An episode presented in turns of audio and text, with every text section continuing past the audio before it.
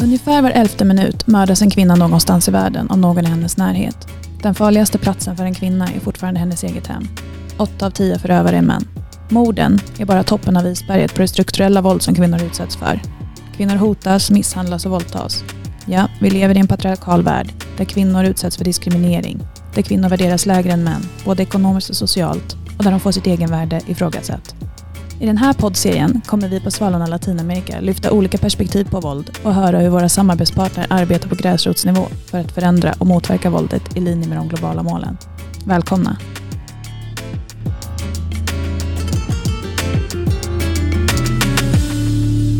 Hej och hjärtligt välkomna till poddpremiären av Svalorna Latinamerikas podcastserie om våld mot kvinnor. Mitt namn är Maja Magnusson och med mig här i studion har jag Vilma Ellenmark. Hallå! Hej hej! Hej! I det här första avsnittet ska vi eh, prata och introducera ämnet just våld mot kvinnor och berätta lite mer om Svalorna Latinamerika som organisation och lite hur vi jobbar. Så vi kör igång. Det gör vi. Jag tänker så här att en del av de som lyssnar har säkert varit i kontakt med, med oss sedan tidigare. Men ifall det är någon nu som bara har sprungit på sådär hastigt och lustigt, vem, vem är vi på Svalorna Latinamerika? Eller vad är vår organisation för något? Ja, Svalorna Latinamerika är en eh, biståndsorganisation. Vi jobbar med mänskliga rättigheter i Latinamerika. Vi eh, grundades 1959, eh, så vi har varit med ett tag. Mm. Ehm, vi, är, vi är små och vi jobbar nära gräsrotsrörelsen på plats i Latinamerika. Bra sammanfattning tycker jag. Ska vi bara precis nämna vilka länder är det som vi jobbar i mer exakt? Ja, idag har vi projekt i Bolivia, Peru, Nicaragua, Guatemala. För att säga någonting kort om vad vi gör i de olika verksamhetsländerna så kan man väl... Eh, ja, alltså vårt, vårt gemensamma övergripande arbete är att vi arbetar mot fattigdomsbekämpning och eh, jämlikhet och jämställdhet. Alla människors rätt att eh, få sina mänskliga rättigheter tillgodosedda. Och sen är det lite olika inriktningar i de olika länderna. Mm, och det kommer vi prata mer om ja. under poddseriens gång. Tänker Precis. Jag. Men eh, bra sammanfattning. Ja. Vill man eh, läsa mer om oss så kan man ju alltid gå in på vår hemsida tänker jag. www.svalorna.se Okej, men vi har bestämt oss för att starta den här poddserien. Varför gör vi det? Vad vill vi med den här podden? Ja, den här podden kom till för att vi vill hitta nya sätt att lyfta frågan om våld mot kvinnor i Latinamerika nya sätt att eh, få människorna på plats att få sina röster hörda i ett medieklimat i Sverige som inte alltid belyser Latinamerika och framförallt inte kanske de mest utsatta grupperna som vi jobbar med. Mm. En till sak som man kan säga som är en sån generell grej för Svalorna Latinamerika är ju att vi jobbar med de eh, kanske allra mest marginaliserade grupperna i samhället. Ehm, alltså kvinnor och barn på landsbygden och i semirurala områden. Ja, det är därför. Det är mm. viktigt att de eh, rösterna, de eh, människorna får utrymme att höras. Mm. Helt klart och jag tycker det är en viktig poäng där. Det är väldigt sällan man läser om de här grupperna och de här områdena i, i media.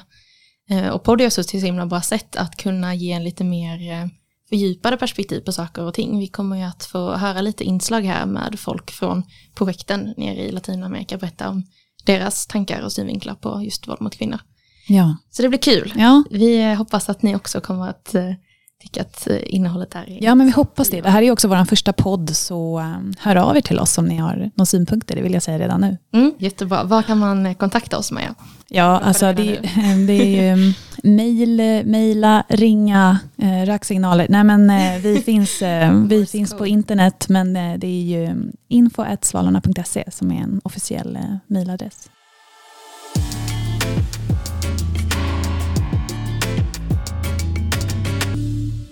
Den här första poddserien som vi kommer göra nu handlar ju om våld mot kvinnor.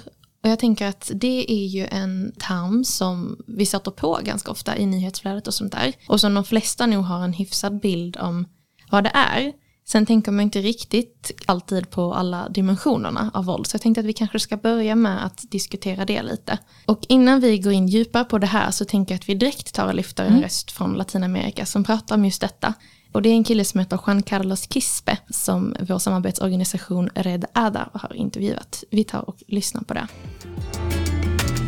Si hay una relación entre lo que es el machismo y el, la violencia de género, es, se puede ver un claro eh, como se diría, una clara relación, ¿no? Donde si hablamos de lo que es violencia de género, nos referimos a lo que son a las violencias psicológicas hacia las mujeres o un grupo de personas también podría ser, de manera eh, psicológica, eh, verbal o físicamente, donde puede haber ya eh, golpes, ¿no?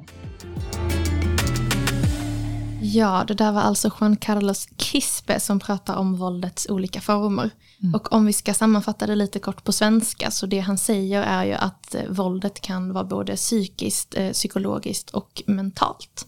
Ja, det är ju precis så som han, som han säger. Att just det här med att man tänker på att våld och, och mord och misshandel av kvinnor, att det, att det eh, våldet slutar där, det är ju en kanske vanlig bild när man pratar just om våld. Men, det är det som ofta syns tänker jag i ja, nyhetsflöden och så. Ja, men det är ju toppen av isberget av en eh, våldspyramid eller en våldsstruktur som går mycket djupare än så. Så om man säger att morden är det absolut liksom, grövsta formen av våld såklart. Och så är det ju. Latinamerika är den region i världen som har den värsta statistiken när det gäller just mord på kvinnor. Eh, det är så att hela 14 av 25 länder jag läser lite statistik här, med då andelen kvinnomord återfinns i Latinamerika. Och eh, det är den mest eh, våldsamma regionen för kvinnor i hela världen.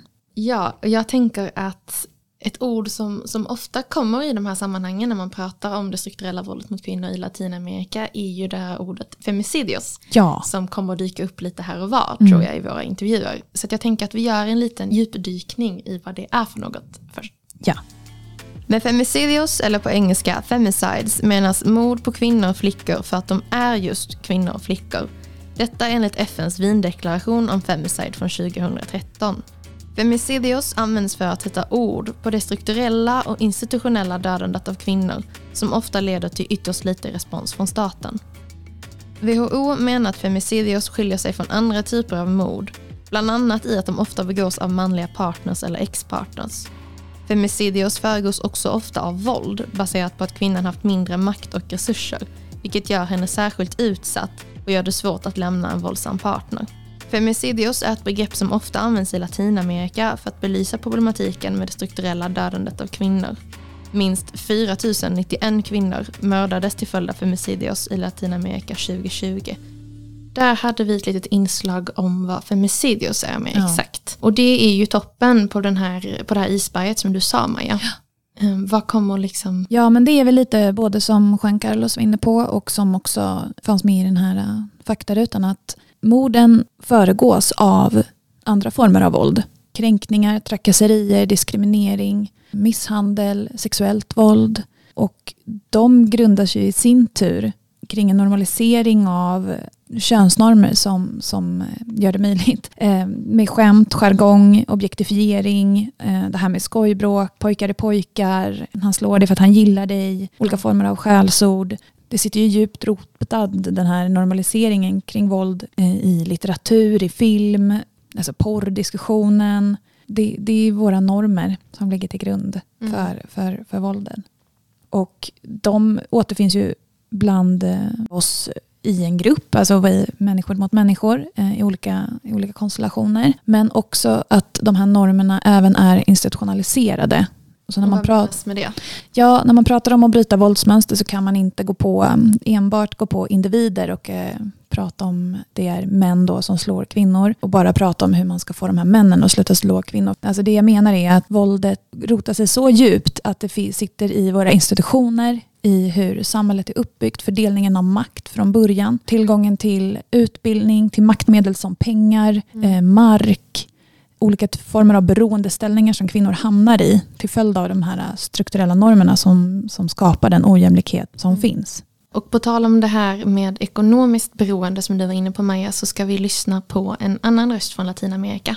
Det är Ursula del Rosario del Divia Santos som har intervjuats av Svalornas utsända Leo Bergenkrans. Ja, es que primeramente eh, siempre eh, en, es, en, estos lugares, porque eh, más que todo aquí en Pampacolca, siempre los hombres son los que trabajan ¿no? en lo que es la chacra, el campo, y las mujeres son las que se dedican a la casa, pero es, dependemos de un hombre ¿no? Él, él, nos tiene que dar el dinero para el diario, él nos tiene que dar el dinero para nuestras cosas y nosotros simplemente tenemos que esperar a que ellos nos den. Y nosotros no podemos trabajar en otra cosa porque porque nos dicen no mujeres a la casa mujeres es para cocinar mujeres para lavar para atender a los hijos. Y ya no hay esta igualdad. Precis, och där belyser ju verkligen Ursula på ett väldigt tydligt sätt hur det här med normer kring vad en kvinna och en man förväntas göra hänger ihop mm. med ekonomiska resurser. Ja, det hon säger är ju att eh, kvinnan hamnar i en beroendeställning för att mannen då har eh, den ekonomiska makten i, i hemmet och i familjen och att man måste be om lov för att få köpa tidningen, man måste be om lov för att eh, få pengar till eh, barnens grejer och att man eh, i det ekonomiska beroendet hamnar i en eh, utsatt situation.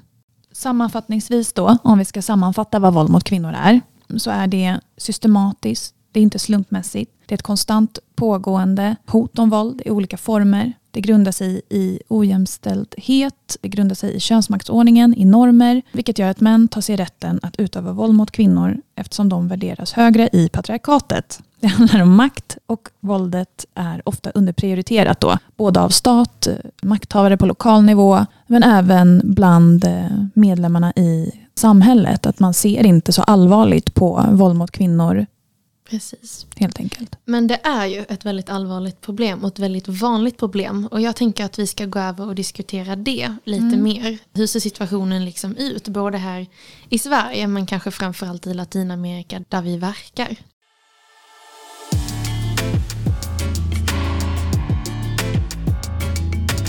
Vad skulle du säga spontant? Vad finns det liksom för likheter och skillnader för kvinnors situationer i Sverige och Latinamerika? Ja, det första jag vill nämna är kanske liksom en, en likhet. Och det är att båda har funnits och, och fortfarande finns en stark feministisk rörelse både i Sverige och i Latinamerika. Alla de rättigheter som vi idag har i Sverige har vi fått tack vare tidigare generationers kvinnors kamp för eh, lika rösträtt, äganderätten, arvsrätten och så vidare. Och så vidare. Och där har på ett sätt feministiska kampen nått längre i Sverige och i Europa. Vi har vissa rättigheter i Sverige som, vi, som de i Latinamerika fortfarande saknar. Mycket handlar om rätten till sin egen kropp, rätten till olika former av preventivmedel och sexuella och reproduktiva rättigheter. Abortfrågan är stor i Latinamerika, där det ju händer saker. Argentina har nu fri abort till vecka 12. Så det händer ju saker, men den, den kampen har nått längre i Sverige. Men det, det, är tack vare den likheten, att det är kvinnor som kämpar för kvinnors rättigheter. Så det, jag vill bara lyfta in det, att det finns en otroligt stark feministisk rörelse i Latinamerika. Jag tror att det är väldigt viktigt att lyfta, för ofta kan det bli det är, så, vi har så långt kvar och det är si och så här illa. Men att också lyfta liksom det här eh, agensen som ändå kvinnor och kvinnorörelsen har. Mm. Eh, men om vi ska stanna lite vid eh, aborträtten, ja. då, bara som ett exempel på ja. hur Sverige skiljer sig från Latinamerika. Så kan vi nämna det bland annat att Sverige har ju fri aborträtt till och med vecka 18.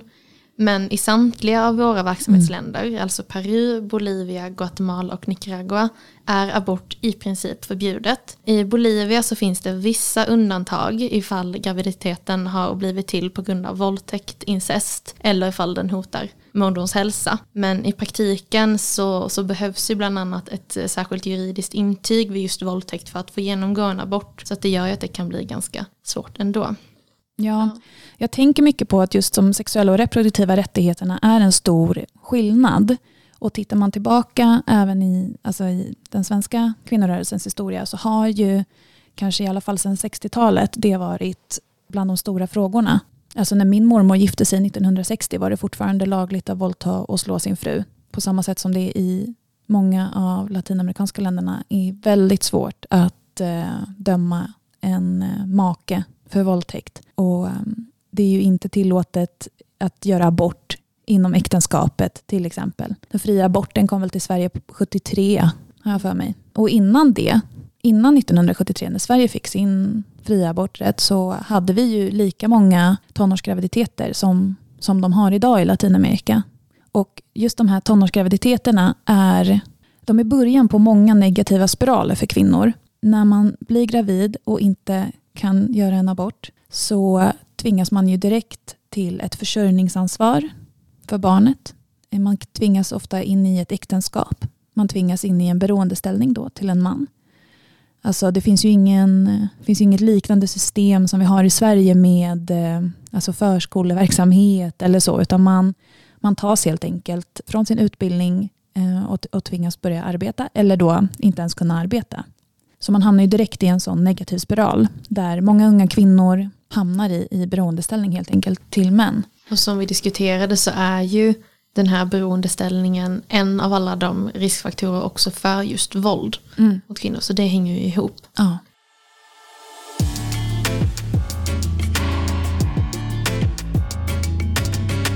En annan intressant fakta om man jämför då Sverige och Latinamerika till exempel är också att bara för att abort är förbjudet betyder inte heller att det genomgår, alltså det är fler aborter i Latinamerika än i Sverige. Och det handlar ju om tillgången på preventivmedel.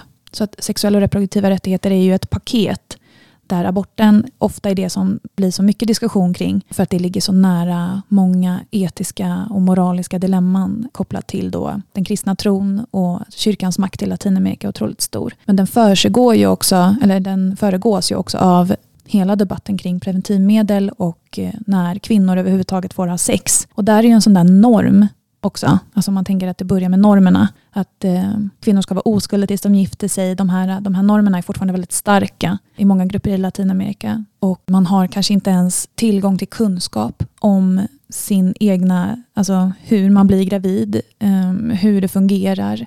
Även om den såklart är bättre idag än vad den var förr så saknas fortfarande vanlig sexualundervisning i skolor och det leder till att det faktiskt genomförs fler aborter i Latinamerika än vad det gör i Sverige. Så det är också en sån, bara för att man eh, förbjuder abort så, så det blir inte färre aborter, det blir snarare fler aborter. Men det handlar ju om paketet sexuella och reproduktiva rättigheter.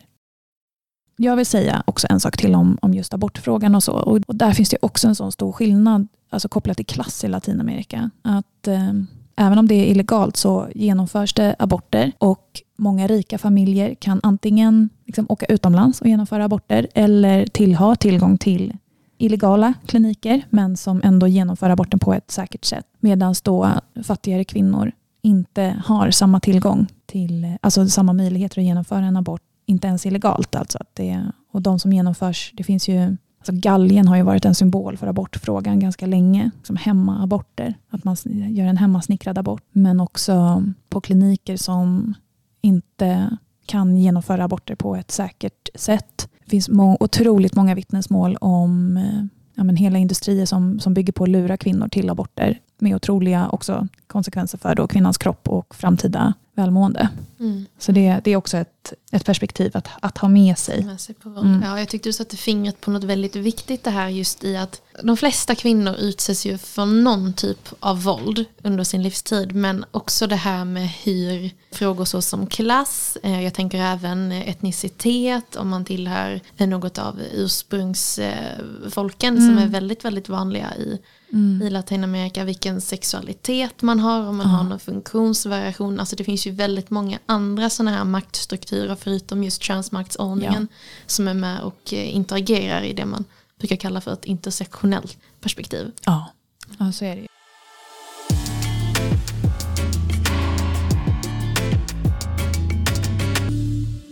Om vi pratar lite mer om eh, om just våldet. Och nu tänker jag på det här toppen av isberget vi var ja. inne på lite innan.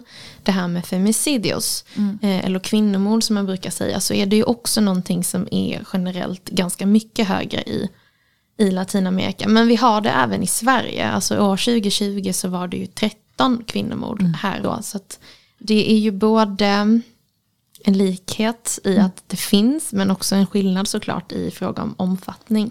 Ja. ja, likheten är ju att även i Sverige så är den farligaste platsen för en kvinna hennes eget hem. I närheten till någon som hon har en relation till. Alltså pappa, bror, eh, pojkvän, man. Så det är ju en, en likhet. Men som, ja, precis som du säger så är väl eh, eller så är ju inte antalet lika stort Nej. och högt. Mm. Nej, precis. Alltså dels vill jag säga att det här med eh, toppen på isberget, absolut, det, det är morden. Men det kan också grunda sig i de här strukturella, alltså den vanligaste dödsorsaken för kvinnor globalt sett, alltså bland flickor i åldern 15 till 19 år, är liksom komplikationer till följd av graviditeter. Så det är ett sånt här exempel på hur ett strukturellt våld mot kvinnor också leder till en dödlig utgång. Och Det handlar inte bara om aborträtten. Det handlar ju också om rätten till tillgång till rätt hälso, hälsoinstitutioner, alltså mödravård, Eh, tillgång till vård överhuvudtaget. Att den typen av strukturellt våld mot kvinnor också resulterar i både alltså dödlig utgång, men också otroligt mycket lidande, och, eh, eh både psykiskt och fysiskt lidande. Eh, tillgång till smärtlindring vid förlossning. Eh, bara en sån sak fanns inte heller i Sverige förrän, förrän på 70-talet. Man skulle föda utan smärtlindring. Och det är fortfarande så i stora delar av världen. Så det är sådana exempel på när det strukturella patriarkatet också utövar våld mot mm. kvinnor i olika former.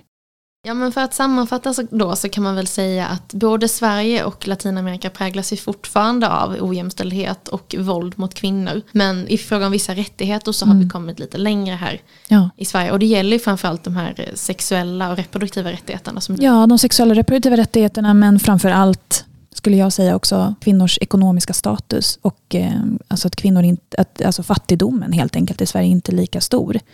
Att ojämlikheten i Sverige inte är lika stor. Så det hänger ihop, alltså det är väl eh, både liksom arbetarrörelsen och den feministiska rörelsen som tillsammans har kommit så pass långt att svenska kvinnor idag har i alla fall ekonomisk möjlighet att lämna en man. Man kan stå på egna ben. Och när man pratar om våld och ojämlikhet och ojämställdhet så måste man, eller måste, men jag, jag tänker och, och sådär att dels så handlar det om att få lagstiftning på plats. Att ha rätt enligt konstitution och lagstiftning så att man kan driva sina fall eh, juridiskt. Och det är det ena benet. Så det gäller ju att ha, jag menar vi fick den här samtyckeslagen på plats ganska nyligen och det förändrar maktbalansen. Ja, men, eh, samtyckeslagen från 2018 som innebar att en våldtäkt inte innebär avsaknaden av ett nej. Alltså att innan var det så att eh, det hade, det, hon sa inte nej. Därför kan man inte bevisa att det var en våldtäkt. Medan det nu är en samtyckeslag där bevisbördan ligger då på mannen i de flesta fall. Då, att, som står eh, åtalad. som står åtalad att, men sa hon ja, alltså att man vänder bevisbördan. Men den här typen av lagstiftning går ju framåt hela tiden och det är en sån stor skillnad. Om man ska prata skillnader, där ligger Latinamerika fortfarande efter i vissa delar. Sen så har man ju den andra delen. Och det är ju att de här eh, lagarna och det som finns på plats ska efterlevas och följas. Och eh, Latinamerika har en ganska, eller de flesta länder har lagstiftning, har konstitutioner som är i linje med eh, FNs konvention och kvinnokonventionen och barnkonventionen och så vidare. Men den efterföljs inte, den efterlevs inte. Och där kommer ju med de här normerna, strukturerna och liksom det andra benet av liksom att bekämpa ojämlikhet in. Det är ju lite förenklat, men jag menar bara att det, om man ska över, för att skapa en liten överblick så, så kanske man kan säga att Sverige har kommit, alltså Sverige har kommit längre i båda delarna. Men eh, ja, jag vet inte riktigt exakt vad jag skulle ha sagt, men jag tror att ni där ute fattar kanske vad jag menar. Det tror jag säkert ja. att de gör. Ja.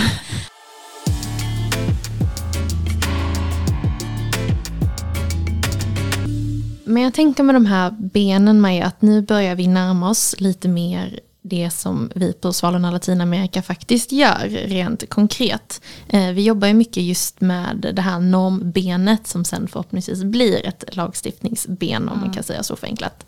Jag tänker att vi ska gå in och prata lite mer om eh, vad vi och våra samarbetspartners på plats i Latinamerika gör för någonting. Men först så skulle jag börja vilja med att diskutera lite Agenda 2030 eller globala målen. För det är mm. någonting som vårt arbete verkligen förhåller sig till. Nej, men för de som inte känner till Agenda 2030 och de globala målen så var det ju fortsättningen på de millenniemålen som FN tog fram. Och eh, globala målen, eller Agenda 2030, är ju då 17 delmål som eh, världen har gått ihop för att uppnå en eh, hållbar utveckling. Och de ska ju då, målen ska ha nåtts då 2030. Det är därför man säger Agenda 2030. Och där är det olika delar som behöver då inkluderas och bland annat då jämställdhet och eh, ett slut på våld mot kvinnor. Det är eh, en otroligt viktig faktor för att eh, komma till rätta med massa andra problem i världen. Alltså vill du minska fattigdomen, vill du öka utbildningen, vill du ha en bättre hälsa? Det är mycket, mycket handlar om jämställdhet. Skulle du kunna förklara det lite tydligare? Alltså den, den kopplingen däremellan, tänker jag, för de som har, inte har så bra koll. Alltså Agenda 2030 och de globala målen handlar om att lyfta världen på totalen. Kvinnor utgör 50 procent av jordens befolkning. Om vi inte kommer till rätta med o, alltså både ojämlikhet och ojämställdhet så kommer inte de andra målen att, att nås. Kvinnor utgör den fattigaste delen av världens befolkning. Alltså det är män som sitter på resurser och man, det finns ju liksom, man kan prata om ekonomisk fattigdom, men det finns också annan typ av fattigdom om man tittar på fattigdom ur, en, ur ett bredare perspektiv. Alltså att man inte kommer in i olika rum, man, inte sin, man kan inte göra sin röst hörd. Alltså kvinnor på universitet, högre utbildade kvinnor, kvinnor i, i beslutsfattande organ, kvinnor inom media, kvinnor inom... Alltså så, alltså att, att komma till rätta med jämställdheten är att komma till rätta med de flesta av de andra globala målen. Men det här delmålet är ju ett av flera som vi på Svalorna specifikt arbetar med. Och jag tänker att det skulle vara lite intressant för lyssnarna att få höra lite mer hur vi konkret jobbar för att uppnå jämställdhet och minska våldet mot kvinnor. Det kommer ju också eh, ge sig lite med de kommande avsnitten här, men jag tänker om vi kan sammanfatta lite grann vad vi gör i alla fall. Ja, men som jag var inne på innan då så handlar Svalorna Latinamerikas arbete framförallt om att stötta gräsrotsrörelser på plats och i det då bygga vidare på den feministiska kampen och kampen för jämställdhet och jämlikhet. Det våra partners jobbar med är att eh, mycket handlar om normförändring och eh, utbildning vad kan det vara utbildningar om, som något exempel? Ja, vi har till exempel sexualundervisning i skolor. Vi har olika workshops med ungdomar och ungdomsgrupper som pratar om sexuellt våld. I Nicaragua har vi en, eh, en liten radiostation där eh, barn och unga själva delar med sig av sina erfarenheter av våld, men också hur eh, deras bild och deras perspektiv, där de får göra sina röster hörda. Alltså det här som vi pratade om innan, vad, vad kvinnor och flickor betyder för utvecklingen i världen. Vi, vi försöker då stötta organisationer som arbetar med att ge en röst åt kvinnor, flickor och eh, de som pratar om de problem som vi har nämnt idag. Just när det handlar om våld mot kvinnor och sättet vi arbetar med för att öka just det demokratiska inflytandet och delaktigheten av kvinnor och unga. Eh, vilket ju har, vi har som liksom främsta mål i projektet är att just få, få det här ökande deltagandet och en ökad diskussion kring normer och sakers eh, tillstånd i samhället. Och där, där jobbar vi också på olika sätt med att få kvinnor att avsätta tid för att organisera sig. För som vi har pratat om idag så har kvinnor oftast eh, platsen att de ska både sköta jordbruk, de ska sköta familj och barn och så. Och det offentliga samtalet och, och där beslut fattas och så, det är något som tas om hand av männen i, i de här samhällena. Och ett av Svalornas eh, främsta mål är att få fler kvinnor att organisera sig och ta mer plats i lokala beslutsprocesser och så. Vilket vi har gjort framgångsrikt på lokal nivå där kvinnor har tagit plats kring olika beslut kring skolor eller olika bevattningsprojekt. Så att, eh, vi jobbar mycket med att få, få kvinnor och gräsrotsrörelsen att organisera sig och lämna utrymme för det. Det kan vara allt från ett eh, kvinnokollektiv som ska mm, öka sin produktion av honung och få tillgång till en marknad till unga tjejer som sätter ihop en teater om rätten till sin kropp. Så att det här eh, att få ta plats i det offentliga samtalet är, och kunna göra sina röster hörda är en, en viktig grundpelare i Svalan och Latinamerikas arbete.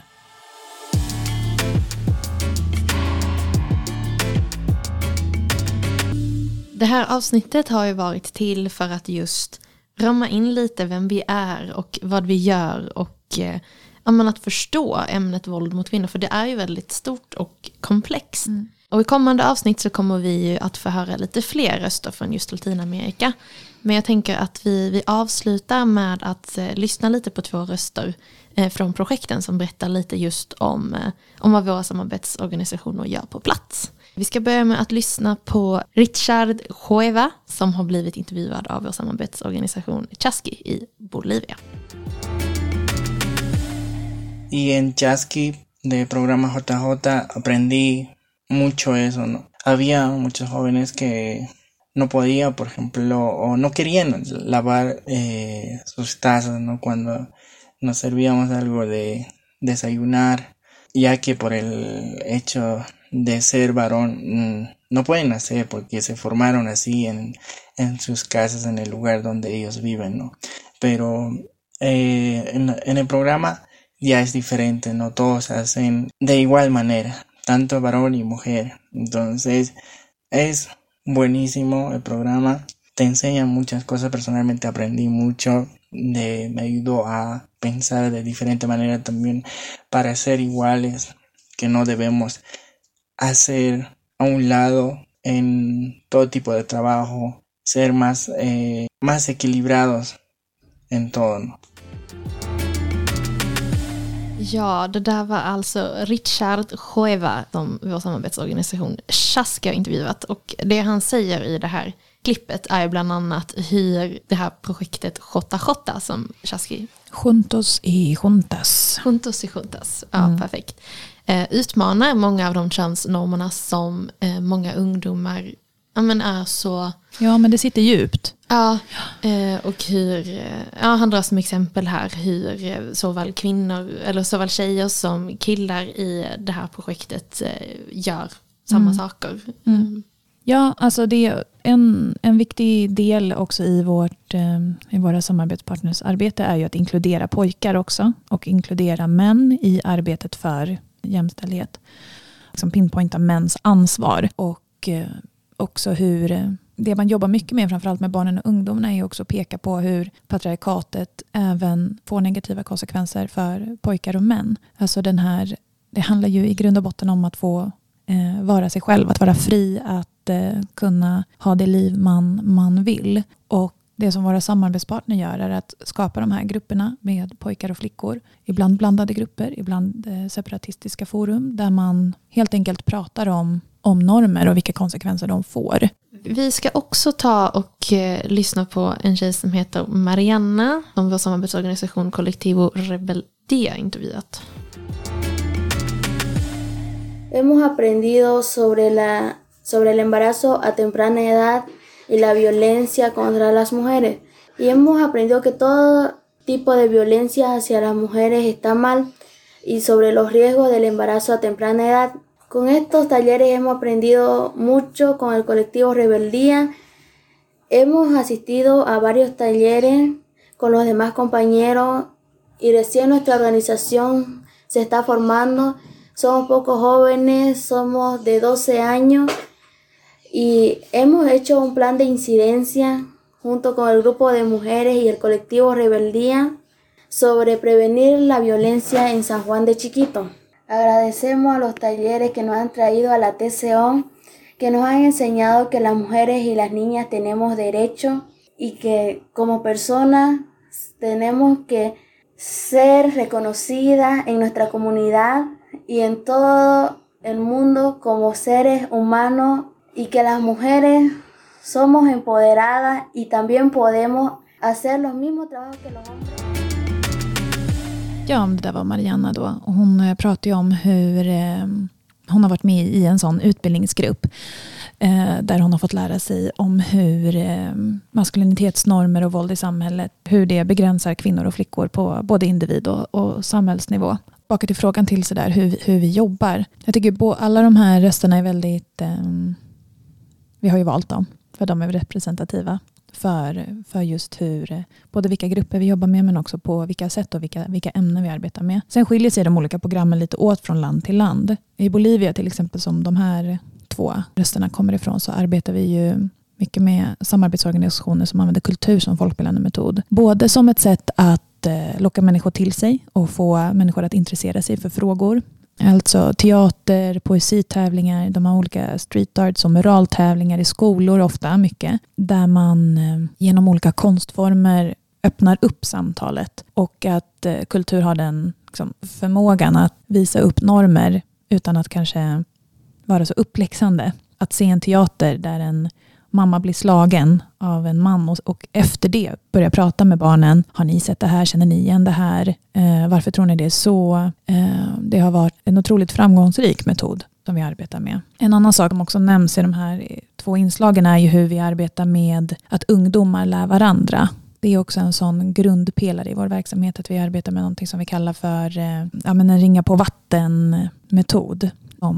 På spanska brukar kallas för replikas. Att man då replikerar det man har lärt sig. Att, att eh, man utbildar en grupp barn och unga kring ett tema. De kanske själva då är med och skapar en teater och sedan håller i ett samtal efteråt. Får med sig ännu fler unga som de utbildar som också är med och skapar en poesitävling som de sen diskuterar frågorna kring och som ännu fler ungdomar dras till. Och så växer rörelsen på det sättet och så växer eh, organisationerna och eh, organiseringen på gräsrotsnivå växer på det sättet. Så det har varit, eh, det har varit en, en sån framgångsrik metod också som vi har arbetat med i verksamheten. Mm. Att skapa de här kollektiven.